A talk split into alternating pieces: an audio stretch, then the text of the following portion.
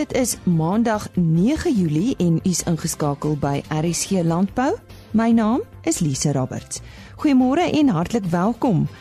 Soos gebruiklik op 'n Maandag is daar 'n veiling nuus. Dan praat ons met uh, eh, Dr. Gustaf Gous oor 'n lewensplan wat ook belangrik is as dit kom by jou boerdery.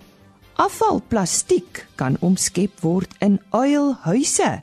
Bly ingeskakel om meer daaroor te hoor en dis belangrik om finansiëel voorberei te wees vir slegte tye.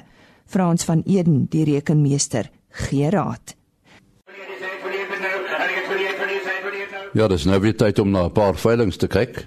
Op die 11de Julie is daar die Rigter Simbras veiling op Leeukop Bloemfontein, 25 stoetbulle, 80 dragtige koeie en verse word opgeveil deur Teens Visser. Ook op die 11de Julie is die Alzu Beefmaster 10de produksieveiling. Dit vind by Woesta Leen Mpumalanga plaas. 50 stoetbulle en 50 dragtige koeie word opgeveil deur Vleis Sentraal.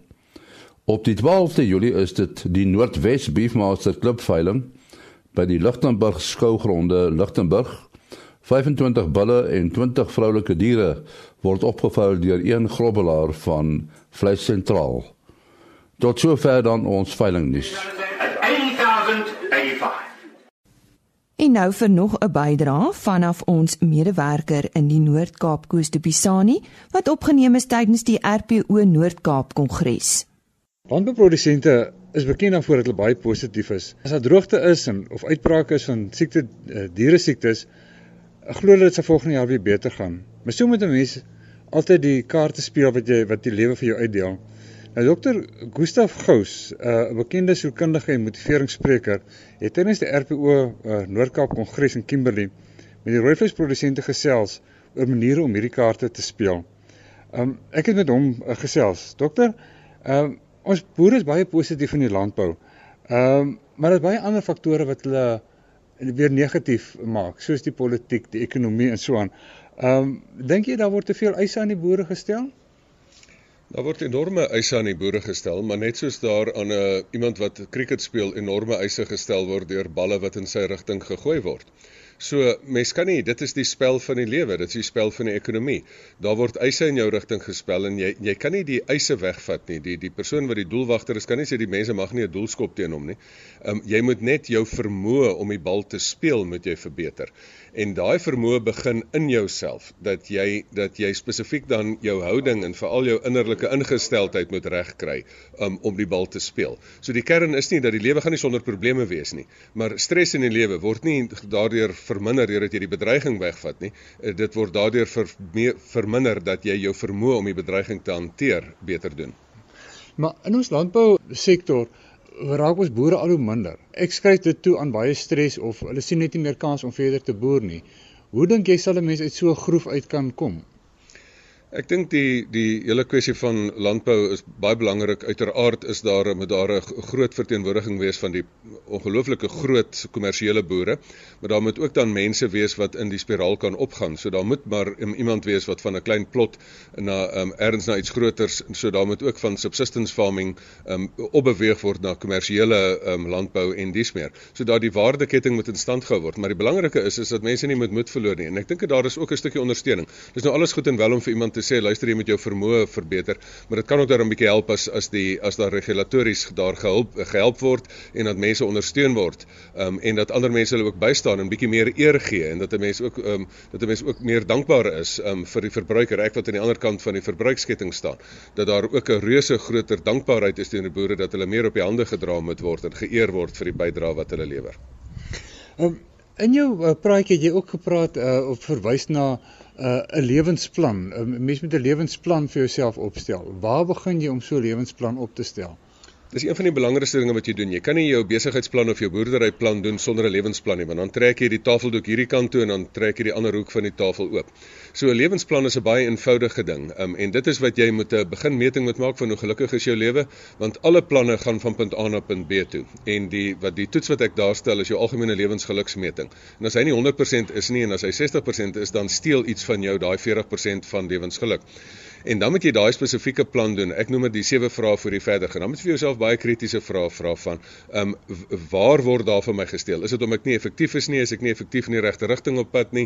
Ehm um, uh, is ek nie gebalanseerd nie? Leef ek nie my lewensdoel nie? Het ek 'n calamity of 'n krisis wat ek nie kon oorleef nie? Het ek nie herstel nie en leef ek selfsugtig vir myself en het nie later nalatenskap nie? So daai sewe vrae moet gevra word, maar dan moet dit prakties land dat jy in 'n lewensbeplanningsdag, dis die dis die seminare wat ek doen dat jy vir mense vat om in een dag jou agt lewensareas te vat en vir jou 'n nuwe lewensplan te kry van 'n fisiese lewe, um, familielewe, sosiale lewe, geestelike lewe, um jouself, jou eie talent slyp, werk vir geld, geld werk vir jou en 'n verskil maak. Want wat help dit dat jy die wêreld wen aan um, maar aan jou siel skade lê? Wat help dit dat jy al die geld in die wêreld het maar aan jou gesondheid skade lê? So as jy nie vir jou 'n plan maak op daai verskillende lewensareas nie, dan gaan jy as jy nou niks mik nie, gaan jy dit tref. Uh, dit is nou alles uh, goed en wel om om die plan op te stel en en die ondersoeke te doen en die analises te doen, maar om dit vol te hou, ek dink dit is seker ons almal se probleem op die ou ende is om om daai plan vol te hou. Ek dink die rede hoekom planne nie volgehou kan word nie is hulle is in die begin nie volhoubaar ontwerp nie. Met ander woorde jy werk op 'n op 'n lae prioriteit en dan skielik moet jy nou spring van die ding na 'n hoë prioriteit toe. Jy moet van die begin af jy wat ek noem jou GPS reg kry. Wat nie staan vir Global Positioning System nie, maar wat staan vir Goals, Priorities and Scheduling. So jy moet jou doel kry, dan moet jy jou prioriteitsdoel kry. En juist die proses wat ek vir mense fasiliteer, is dat jy nie op op die Engelse gebruik die woord procrastinate, dat jy nie op doelwitte werk wat nie regtig belangrik is nie, dat jy op jou regtig op jou prioriteitsdoelwitte werk wat jou lewensgeluk die meeste gaan verhoog en dat jy dan skeduleer. So baie mense, um, slim mense het te veel doelwitte maar hulle hulle doen te min. Dom mense het te min doelwitte en dan doen hulle ook niks nie. Maar ehm um, die kern daarvan is jy met jou doelwitte moet jy moet jy 100% uitwerk in prioriteitsvolgorde en dan moet jy dit skeduleer. En dis wat ek dan baie keer ook vir mense vra. Dis waar lewensafrigting anders is. Jy moet vir jou lewensafrigter kry om dit te bereik. Want as 'n sportman die die wêreldbeker wil wen, dan kry hy van 'n afrigter. Die die Springbokke het 4 jaar wat hulle het om dit te doen. In my wêreld moet jy vir jou lewensafrigter kry wat vir jou die nommer 1 die prentjie formuleer en dan moet jou weekliks of maandeliks sit of jy sê hoe vorder jy? Ehm um, en daai persoon moet ou eintlik betaal want daai resultaat wat jy daaruit gaan kry is soveel werd dat die bietjie wat jy aan 'n lewensafrigter bestee, ehm um, is nie eers in verhouding met hoeveel lewensgeluk en geld dit vir jou gaan inbring. Dit was 'n uh, dokter uh, Gustaf Gous wat vir ons boere uh, baie stof tot nadenke gegee het. Dis Koos de Pisani van Kimberley. Ons sluit nou weer aan by Henny Maas. Ons het al baie in die program gepraat oor uh, die waarde wat uile het veral in die landbou. En uh, ons praat nou met Danel Marie van die L Rescue Center in Hartbeespoort. En hulle het 'n manier gevind om die gevaar van plastiek in die omgewing uh tot 'n mate te beperk. Uh plastiek, hoekom juist plastiek uh, Danel? Well, plastiek is heidaglik 'n groot rede vir kommernis in die omgewing. So elke jaar neem ons verbruik van plastiek toe, maar min word gedoen om die afval van um, te beheer, die besoedeling daarvan te beheer. So wat ons gedink het, um, wat ons gedink het is om hierdie negatiewe element uit die natuur uit te neem en dit in 'n positiewe een te omskep. So wat ons doen is ons vervaardig eilyse dan van plastiek en ook dan ander bewaringsprodukte. En en hoe omskep julle hierdie afvalplastiek in eilyse?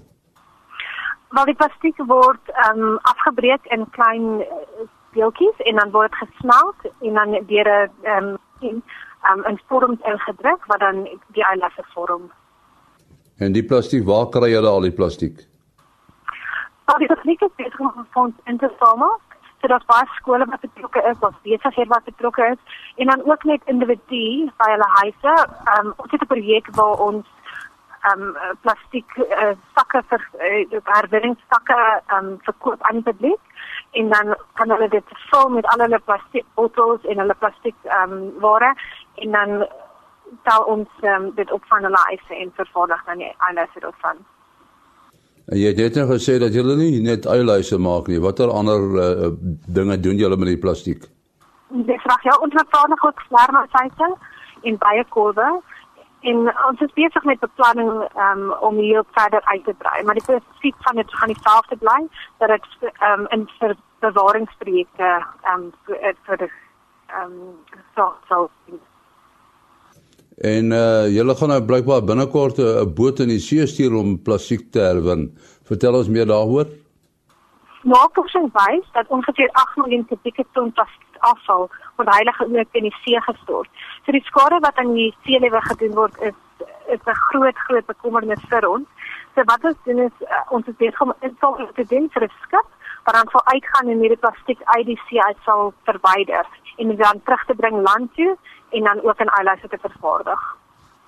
Uh weer terug na die uilhuise toe. Vervaardig julle die uilhuis as sodanig self?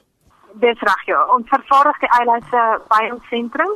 So ons skep alles daar, die plastiek word gesorteer en dan um, gesmelt en in vorm gemaak en dan het ons 'n projek wat ons aan hierdie eilandse verkoop om fondse in te samel vir ons vir ons sentrum en ons doen ook dan die installasies van dit reg oor die land. Kan jy 'n telefoonnommer gee? Ja, dit reg. Die telefoonnommer is 082 719 5463 maar ehm um, luisteraars kan ook na ons webwerf toe gaan waar al hierdie inligting verduidelik word en ons webwerf is ehm um, www.alwhiskycenter.org.za Ons ons praat met uh, Daniel Murray daar en uh, sy is van die L Rescue Center daar in die omgewing van Hartbeespoort. Dankie Henny en hy dan ook nog nuus oor 'n veiling. Ons uh, gaan nou oor 'n veiling gesels en ons praat met Philip Barnard oor die veiling. Uh, wanneer van die veiling plaas uh, Philip en watter veiling is dit? Môre Henny, ja, dis uh, Philip hierso van Mkwatling Angus. Ons het 'n veiling 19 Julie uh 11 uur die oggend hier op Mkwatling uh, distrik Klokkelaan en dan gaan ons uh klompie Angus aanbied wat ons elke jaar doen. Daar gaan bietjie oor die 50 rooi en swart Angus bulle wees en ons verkoop ook elke jaar al die 6 jaar oud dragtige koeie en daar sal so 'n stuk of 45 van hulle gewees. Ons gaan nog embryo's aanbied en pragtige ontvangers en dit gaan sommer 'n lekker dag wees. As jy nou praat van die aanbod, hoe vergelyk dit met byvoorbeeld verlede jaar? Wel, laas jaar was ons 50ste herdenksjaar en ons het 'n uh, uh, baie goeie aanbieding gehad, maar ek moet sê die mense wat al kom kyk het, sê die bulle staan uit as 'n ongelooflike en dit nog selfs 'n verbetering op laas jaar se se aanbieding. So ons is baie bly oor die aanbieding en wat ons met die mense kan deel. Ja, so die die die reën en al die dinge en die goeie veld help beslis. Kyk, ons het uh, later een gekry. Ons het maar 'n moeilike begin van die seisoen gehad, maar uh, ek moet sê die beeste is wonderlik hoe hulle deur dit gekom het en uh, hulle lyk baie mooi. Goed, net weer die datum en uh, waar dit plaasvind, hoe laat dit begin en 'n kontaknommer.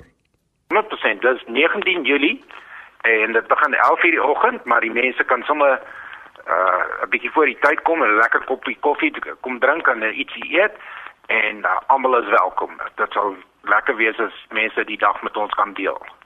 En 'n telefoonnommer? 82 577 2075. Philip Barnard wat gesels het oor daardie veiling. Boere is nou maar eenmal uitgelewer aan eksterne faktore waarin 'n mens bitter min kan doen. Nou droogte is byvoorbeeld een van daai faktore wat al daardie seisoen se winste kan steel. Die rekenmeester Frans van Eden vertel ons van vanoggend hoe boere seker kan maak hulle is finansiëel voorberei op slegte tye. Môre Frans, lekker om weer by jou te kuier. Dankie Lisa, is baie lekker om hier te wees. hoe kan 'n produsent seker maak hy is vertroud met die in- en uitvloei van kontant in sy boerdery? Wel Lisa, as jy nou kyk na jou jou boerdery, baie boere is nou vir baie jare in in die besigheid. En baie van hierdie kennis gaan jy net opbou met ervaring in jou eie besigheid self. Want dit hang af van watter industrie jy is of jy met vee boer of jy met pluimvee boer of jy met gewasse boer. Ehm um, so daar is nie 'n standaard norm wat ek nou vir almal kan sê dis jou in en uitvloei van kontant nie. So my advies sal wees gaan kyk 'n bietjie na jou bankstate, trek grafieke van jou invloeye met oor tyd en jou uitvloeye oor tyd. Kyk waar is jou uitvloeye meer as jou invloeye. En op dië manier kan jy nou redelik 'n tendens begin vorm en dan kyk jy dan ekstrapoleer jy daai data oor 'n paar jaar en dan kyk jy nou waar is die invloed en uitvloei en dan van dit af kan jy nou begin beplan. Mm. Beskryf vir ons die verskil tussen oorhoofse kostes en produksiekostes. Nou produksiekoste is maklik om te beskryf. Kom ons kyk na die voorbeeld van groot veeboerdery. Ehm um, dis al die kostes wat direk verband hou met jou groot veeproduksie. So byvoorbeeld jou jou voer, jou veterinêre kostes, jou ehm um, inentings en selfs met skoonmaak van die voerkraal. Dis byvoorbeeld produksiekostes. Ehm um, oorhoofse kostes is die kostes wat jy het al het jy nie 'n enkele bees op die plaas nie. Dit sal goed wees soos water en kragversekering. Ehm um, en so meer. Jy kan daai hele siklus sien. Dit is baie keer goed wat ook op 'n debietorder is wat aftrek. Dit hmm. val in die kategorie van oorhoofse kostes in meeste gevalle. Hoe moet 'n boer sy uitgawes groepeer? Wel om dit maklik te maak, moet die boer maar drie maniere gebruik om sy uitgawes te groepeer. Jy kyk eerstens na jou oorhoofse kostes en dan kyk jy na jou oorhoofse kostes verdeel jy verder in twee. Jy het jou ehm um, jy het jou ekstras, jou luksede en dan het jy jou noodsaaklike uitgawes wat jy moet hê. En dan het jy jou produksiekostes. Nou jy moet al jou uitgawes elke maand in een van hierdie drie kategorieë inverdeel op gronde van ehm um, hoe nodig dit is om die plaas aan die gang te hou. Nou produksiekoste stuk verduidelikheid gaan heel duidelik wees wat daarin val. As jy nie het hoef te betaal as jy nie meer daai daai tipe gewas produseer of die dier aanhou nie, dan val dit in produksiekoste. As dit kostes is om die plaas aan die gang te hou, ehm um, dan is dit definitief in oorhoofse koste maar noodsaaklik. En as dit ekstra goed is wat net lekker is om te hê, soos byvoorbeeld jou ekstra nuwe bakkie wat jy wil koop jou nuwe Land Cruiser, nuwe model uitgekom kom. Dit val in jou leksere. So leksere is goed jy kan sny as nodig is. 'n Plan moet dan seker in plek gestel word vir moeilike tye. Wat behels hierdie plan? Mm, ja, Lise. Die plan behels basies die volgende: Jy moet wanneer dit begin moeilik raak, as jy sien dis byvoorbeeld nou droogte wat kom, hulle voorspel droogte, dan moet jy 'n plan hê wat jy kan aktiveer. As ek nou maar so kan anglisisme gebruik. Jy moet dadelik op jou leksere kan sny basies ontslaa raak daarvan. Want wat nou gaan gebeur? Jy gaan in 'n siklus ingaan waar jou jou kontant invloeye basies gaan opdroog. Ehm um, kom ons kyk maar na droogte. Jy het vir lang tye nie enige het misoeste. Ehm um, daar's niks geld wat inkom nie. In hierdie stadium waar jy nog steeds leksede het, beteken dit jy gaan vinniger bloei van kontant. Nou as jy vroeg al voordat dit nodig is, jou leksede sny, beteken dit jy het 'n ekstra buffer van kontant ook nou oor wat jy langer kan dra en dis waarvoor jy moet mik. Hoekom moet 'n boer sy finansieringsbronne vooruit identifiseer? So, jou finansieringsbronne is belangrik want wanneer jy geld wil leen, kom ons gebruik nou my voorbeeld van 'n produksielening. Ehm um, jy wil die meeste moontlike van grootste of die grootste fasiliteit moontlik hê en dit beteken jy moet na die bank toe gaan, jy gaan finansiële state vir hulle moet lewer. Jy hulle gaan 'n risikobeoordeling op jou moet doen en op grond van dit gaan dit bepaal of jy hoë rentekoerse gaan betaal of lae rentekoerse gaan betaal en ook of hulle die fasiliteit gaan verhoog of nie. As jy in die goeie maande jou finansieringsbronne identifiseer, beteken dit jy kan gaan en dis dis nie net vir banke nie, dis net vir enige plek waar jy geld kan leen. Jy kan in die goeie maande gaan jou fasiliteit fasiliteite gaan vasmaak. Wat beteken wanneer jy in die slegte tye ingaan, het jy die fasiliteite reeds daar, want as dit nou slegter gaan en kontantvloei droog op en jy het nou regtig nou geld nodig, dan kan jy nie na 'n bank toe gaan en geld vra nie, want hulle gaan sê jy's op 'n hoë risiko. Ehm um, jy gaan dalk die geld kry, maar dit gaan teen 'n ongelooflike hoë rentekoers wees. So dit maak dit baie moeiliker. Mense is meer bereid om vir jou geld te gee wanneer dit goed gaan met jou. Watter risiko's bestaan wanneer boere geld leen? Uh juis wanneer dit sleg gaan? So jou eerste risiko wat bestaan wanneer jy geld leen terwyl dit sleg gaan is daar's natuurlik niks kontantvloei nie. Mm. Ehm mm. um, nou moet jy nog steeds die paemente terugbetaal. En wat gebeur wanneer jy nie 'n paement kan terugbetaal nie? Mense kom slaan beslag op jou bates. Want vir om 'n lening te kry moet jy in baie gevalle sekuriteit lewer. En wanneer jy agterraak op jou betalings, dan kom staan hulle beslag op jou bates. Nou dis die grootste risiko met geld leen altyd. Jou jou bates is altyd op die risiko om gevat te word deur een of ander ander persoon. En dis die eerste grootste risiko waarvoor mense moet bang wees. As jy in 'n 'n moeilike tyd ingaan met so min as moontlik skuld, jy die fasiliteite, maar nie die skuld nie, dan kan jy natuurlik nou daai geld gebruik om aan die einde van die periode jou deur te trek en weer te begin kapitaliseer en te groei. Kan 'n boer nie net geld spaar deur leksede te sny nie? Sal dit nie goed genoeg wees om die waar dan deur die drif te trek wanneer dit sleg gaan nie? In realiteit nee. Ehm um, geen besigheid het ooit soveel leksede op sy inkomste staat laat dit genoeg sal wees om kom ons sê jy's regtig goed voorberei en jy weet 'n jaar voor die tyd al dat moeilike tye gaan kom en jy sny dan al jou leksiere uit. Selfs daai ekstra kontant jy oor 'n ekstra jaar spaar, gaan nie genoeg wees om jou deur te trek nie. Nommer 1, jy weet nie hoe lank die droogte gaan wees as ek 'n voorbeeld van droogte kan gebruik nie. Ehm um, dit kan 6 jaar, 7 jaar wees.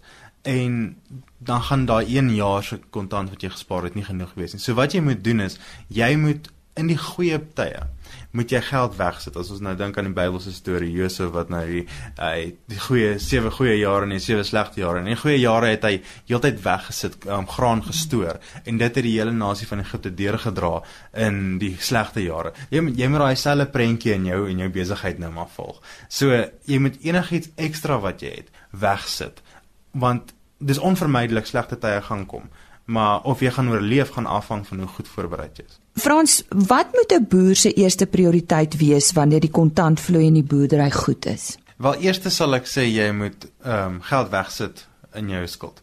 Betaal soveel as moontlik van jou skuld af. Ja, jy kan nie ehm um, soos ek nou nou genoem het, jy kan nie ingaan in 'n slegte periode in met baie skuld nie, want dan het jy terugbetalings jy moet maak. Jy moet eerder jou skuld verminder. Tweede is dan nou natuurlik om te spaar en dan kom ons nou by ons vorige vraag uit. Ehm um, want dit gaan jy ook verder dra. So jy moet soveel as moontlik kontant dan wegsit. Eerstens raak ons slaaf van skuld, dan tweedens bou kapitaal op om jou te dra in moeilike tye. Nou ons hoor baie keer die woord diversifikasie. Waarom is dit belangrik dat 'n boer sy inkomste stroom diversifiseer? Dis ons het eintlik 'n rukkie terug hieroor al gepraat ja. ook. En basies waarop dit neerkom is wanneer een inkomste stroom opdroog en jy's gediversifiseer, beteken dit jy het nog steeds inkomste van verskillende areas wat invloei in jou besigheid in. Daai ekstra inkomste kan jy oorhoofse kostes dek. Wat beteken jy kan net jou kapitaal gebruik vir produksiekostes. Wat beteken as jy gaan afskaal as gevolg van byvoorbeeld 'n droogte, gaan daai produksiekostes in elk geval laer wees. Dit beteken jy gaan uh, langer jou kontant kan dra. Ehm um, so dis ook baie belangrik is om te diversifiseer. Soveel moontlik inkomste bronne moet inkom om jou uitgawes te kan dek wat jy nog steeds gaan hê selfs in moeilike tye. Goed net 'n e-posadres vir jou indien van ons luisteraars graag met jou hieroor wil gesels. My e-posadres is frans@prioritize.co.za. Dis die Engelse prioritize sonder 'n z maar met 'n s. Goed. Dit is dan Frans van Eden, rekenmeester en net weer sy e-posadres. Dit is frans@prioritize.co.za. daarmee groet ons dan tot môreoggend. Ons kuier dan weer môreoggend. Totsiens. RSG Landbou is 'n produksie van Plaas Media. Produksieregisseur Henny Maas. Aanbieding Lisa Roberts. En inhoudskoördineerder Jolandi Root.